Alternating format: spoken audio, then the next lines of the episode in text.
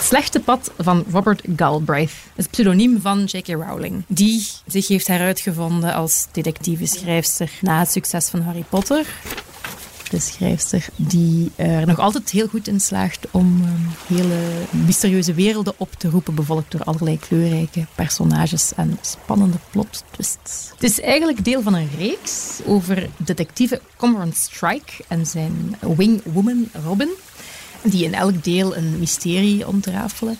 Maar een even groot mysterie is uh, hoe de relatie tussen beiden zich ontwikkelt.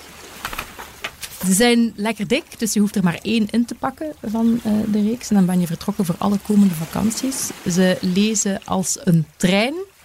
En uh, ze zijn spannend. Meteen een goed voorsmaakje.